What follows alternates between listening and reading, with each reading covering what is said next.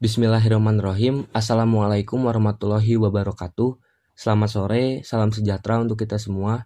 Semoga pada hari ini kita dalam keadaan sehat walafiat dan selalu dalam lindungan Tuhan Yang Maha Esa. Sebelum masuk ke dalam materi, saya ingin mengucapkan terima kasih serta apresiasi kepada pihak panitia. Terima kasih karena telah memberikan kesempatan kepada saya untuk mengisi materi kegiatan webinar kali ini dengan tema Urgensi Kesehatan Lingkungan dan Diri dalam Menghadapi COVID-19. Kemudian apresiasi karena telah melaksanakan kegiatan ini dengan dilatar belakangi tujuan yang baik dan tentunya bermanfaat bagi orang banyak. Lalu terima kasih kepada para peserta karena telah bersedia untuk mengikuti kegiatan ini dan di sini kita sama-sama berbagi ilmu, di sini kita sama-sama sharing pendapat.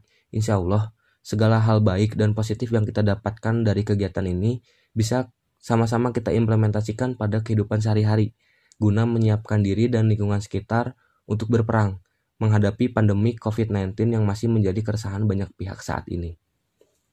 Hari ini di dunia termasuk negeri kita tercinta Indonesia sedang dalam keadaan tidak baik-baik saja.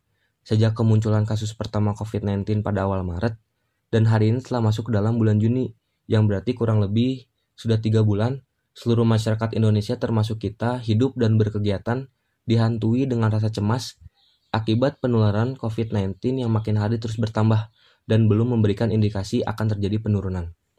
Seperti yang kita ketahui bersama, tingginya jumlah pasien positif COVID-19 dikarenakan penularan dari virus ini human to human, atau dalam artian penularan virus ini dari individu ke individu yang lain. Penyebaran virus ini begitu masif, menular dengan cara droplet atau menempel pada permukaan benda mati akibat dari batuk atau bersin dari orang yang terinfeksi, lalu menempel pada bagian tubuh individu yang lain, seperti pada tangan, area wajah, atau masuk ke dalam paru-paru dan menginfeksi individu tersebut.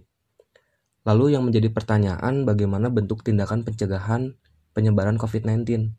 Di sini kita akan membahas dua aspek penting sebagai bentuk tindakan untuk mencegah penyebaran COVID-19 di masyarakat. Yang pertama ada aspek lingkungan yang sehat, kemudian yang kedua ada aspek perilaku hidup bersih dan sehat atau PHBS. Kita mulai dari aspek pertama yaitu aspek lingkungan yang sehat. Seperti teori dari Bloom, untuk mencapai derajat kesehatan masyarakat, ada beberapa faktor yang mempengaruhi. Dan faktor yang terkuat atau terbesar yaitu faktor lingkungan dengan persentase 40%.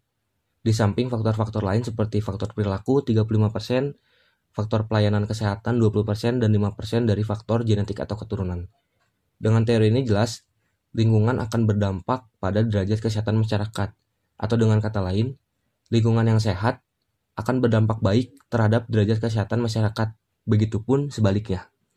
Maka dengan memperhatikan lingkungan dan menciptakan lingkungan yang sehat, kita telah melakukan upaya preventif atau pencegahan timbulnya suatu penyakit. Nah, di tengah pandemik seperti ini, ada empat lingkup yang menjadi fokus dari kesehatan lingkungan. Lingkup yang pertama yakni pengawasan terhadap kualitas air bersih dan sanitasi dasar. Memastikan kualitas air bersih yang digunakan oleh masyarakat dalam keadaan memenuhi syarat, baik secara fisik, kimia, serta biologis. Guna menunjang hajat hidup orang banyak dan memastikan setiap masyarakat memiliki akses terhadap sanitasi seperti akses terhadap jamban dengan memastikan kualitas air bersih dan sanitasi dasar masyarakat terpenuhi sesuai regulasi yang ada, ini tentu sangat penting guna menekan atau bertambahnya penyakit-penyakit baru di tengah masyarakat. Kemudian lingkup yang kedua ada tempat pengolahan makanan. Memastikan setiap tempat pengolahan makanan menerapkan enam prinsip sanitasi hygiene pangan, baik dari pemilihan bahan baku sampai kepada tahap penyajian makanan tersebut yang nantinya berdampak kepada masyarakat ketika pangan tersebut dikonsumsi menghindari makanan tersebut membawa virus penyakit. Kemudian lingkup yang ketiga ada tempat fasilitas umum. Fasilitas umum menjadi salah satu faktor resiko penyebaran virus yang mana fasilitas umum ini banyak diakses oleh setiap orang. Maka dari itu dengan memastikan tempat fasilitas umum dalam keadaan steril atau dengan kata lain sehat merupakan hal yang penting guna menghindari area tersebut sebagai media penularan penyakit. Dan lingkup yang terakhir ada limbah dan radiasi. Dengan keadaan seperti ini, tidak dapat dihindarkan akan semakin banyak limbah medis yang dihasilkan dari setiap pelayanan kesehatan, dampak dari penanganan pasien COVID-19. Dan limbah yang dihasilkan merupakan termasuk ke dalam limbah yang berbahaya, yang mana penanganannya harus mendapat perlakuan khusus. Ini termasuk ke dalam lingkup kesehatan lingkungan karena memastikan tidak adanya penularan penyakit dari limbah yang dihasilkan kepada manusia. Lalu ada pula upaya yang telah dilakukan dari segi kesehatan lingkungan di tengah masyarakat untuk menekan angka penyebaran COVID-19. Yang pertama ada pemetaan dan penerapan zona.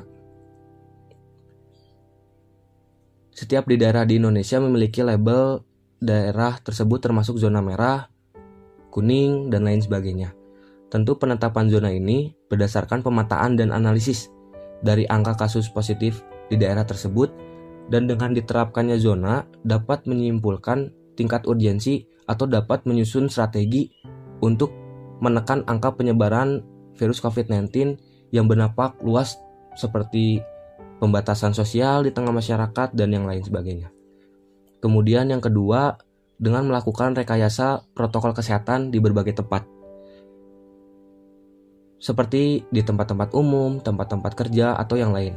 Rekayasa protokol kesehatan ini contohnya yaitu dengan memberi tanda atau arahan untuk melakukan jaga jarak dari satu individu dengan individu lain, kemudian mendesain sebuah gedung, sebuah ruang, sebuah bangunan untuk memaksimalkan upaya pencegahan penyebaran virus penyakit.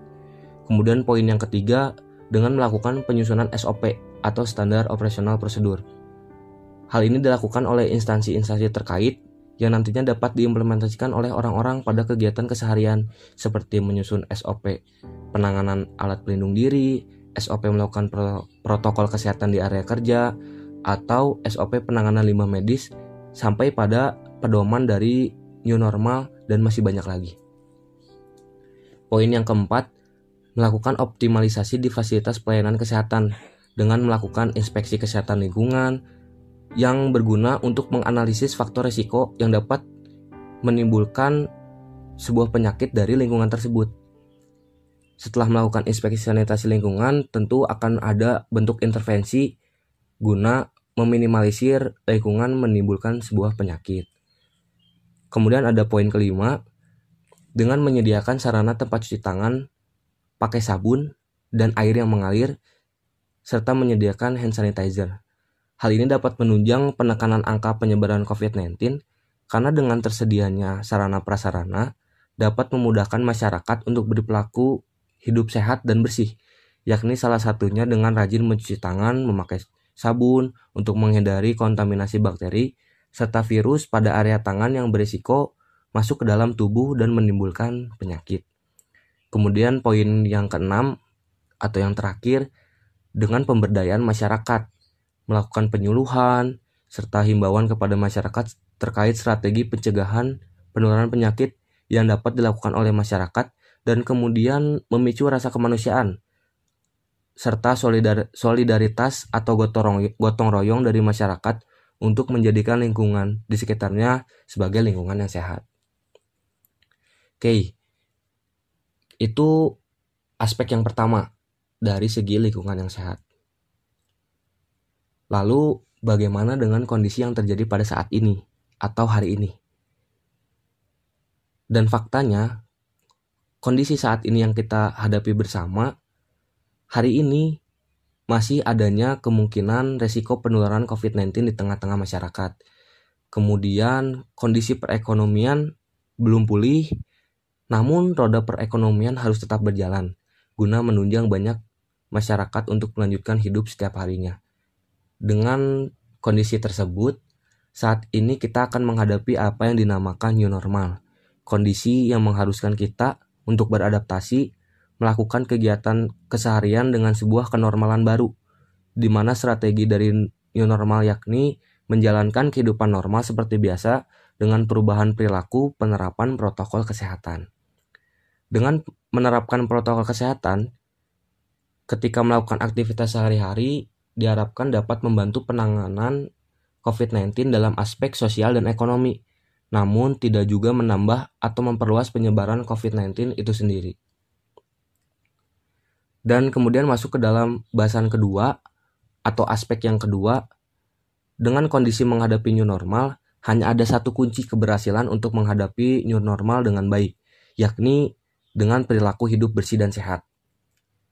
Karena perilaku hidup bersih dan sehat merupakan salah satu kesiapan diri kita untuk menghadapi new normal di tengah masih adanya faktor penularan COVID-19. Kesiapan diri yang dimaksud dari perilaku hidup bersih dan sehat untuk menghadapi new normal meliputi yang pertama, kita harus menyiapkan diri untuk disiplin tinggi dalam menerapkan protokol kesehatan di mana pun dan kapan pun. Seperti penggunaan masker saat keluar rumah, menjaga jarak dengan orang lain, kemudian menghindari tempat-tempat berkumpulnya orang banyak, kemudian melakukan disinfektan mandiri pada area rumah, rajin mencuci tangan, menggunakan air mengalir dan sabun, dan menyiapkan hand sanitizer serta protokol-protokol kesehatan lain yang memprotek diri kita atau melindungi diri kita dari penularan penyakit COVID-19 ini. Kemudian Tak kalah pentingnya juga dengan menjaga imunitas tubuh. Seperti rajin berolahraga, kemudian menghindari stres, kemudian makan makanan yang bergizi, istirahat yang cukup, serta minum multivitamin untuk tujuan tadi menjaga imunitas tubuh. Lalu, lebih peduli terhadap kondisi kesehatan diri. Jangan memaksakan melakukan aktivitas yang berat jika dirasa kondisi tubuh kurang sehat, dan jangan menyepelekan hal-hal yang dirasa itu mengganggu kesehatan kita dalam keseharian. Kemudian, jadilah penggerak untuk menerapkan pola hidup bersih dan sehat agar dapat dicontoh oleh orang banyak, yang kemudian orang-orang banyak tersebut menerapkan pola hidup bersih dan, dan pola bersih hidup dan sehat pula atas dasar termotivasi oleh diri kita. Kemudian yang terakhir, kesiapan diri yang perlu kita lakukan adalah jadilah penggiat informasi kepada orang lain. Jika kita mempunyai informasi yang lebih serta dirasa dibutuhkan oleh orang banyak, karena dengan mengedukasi masyarakat secara luas merupakan salah satu hal penting dalam penanganan penyebaran COVID-19 ini. Perlu kekuatan yang dilakukan secara menyeluruh atau komprehensif untuk seluruh lapisan masyarakat. Itu kesiapan-kesiapan diri yang perlu kita siapkan untuk menghadapi kenormalan baru dengan masih adanya faktor risiko penularan penyakit di tengah-tengah masyarakat. Dan kunci utamanya adalah kita harus mencintai lingkungan, minimal lingkungan di sekitar kita. Jaga lingkungan seperti kita menjaga orang yang kita kasihi. Lakukan dengan sentuhan cinta, maka lingkungan akan memberikan cintanya kembali kepada kita sebagai manusia. Mungkin itu materi yang bisa saya sampaikan pada sesi ini. Terima kasih atas perhatiannya. Mohon maaf bila ada salah-salah kata atau ada yang kurang bisa dimengerti dengan jelas. Jika ada hal-hal yang dirasa masih belum dapat dipahami dengan baik, bisa ditanyakan pada sesi selanjutnya di tanya jawab. Akhir kata, wabillahi topik walidaya, wassalamualaikum warahmatullahi wabarakatuh.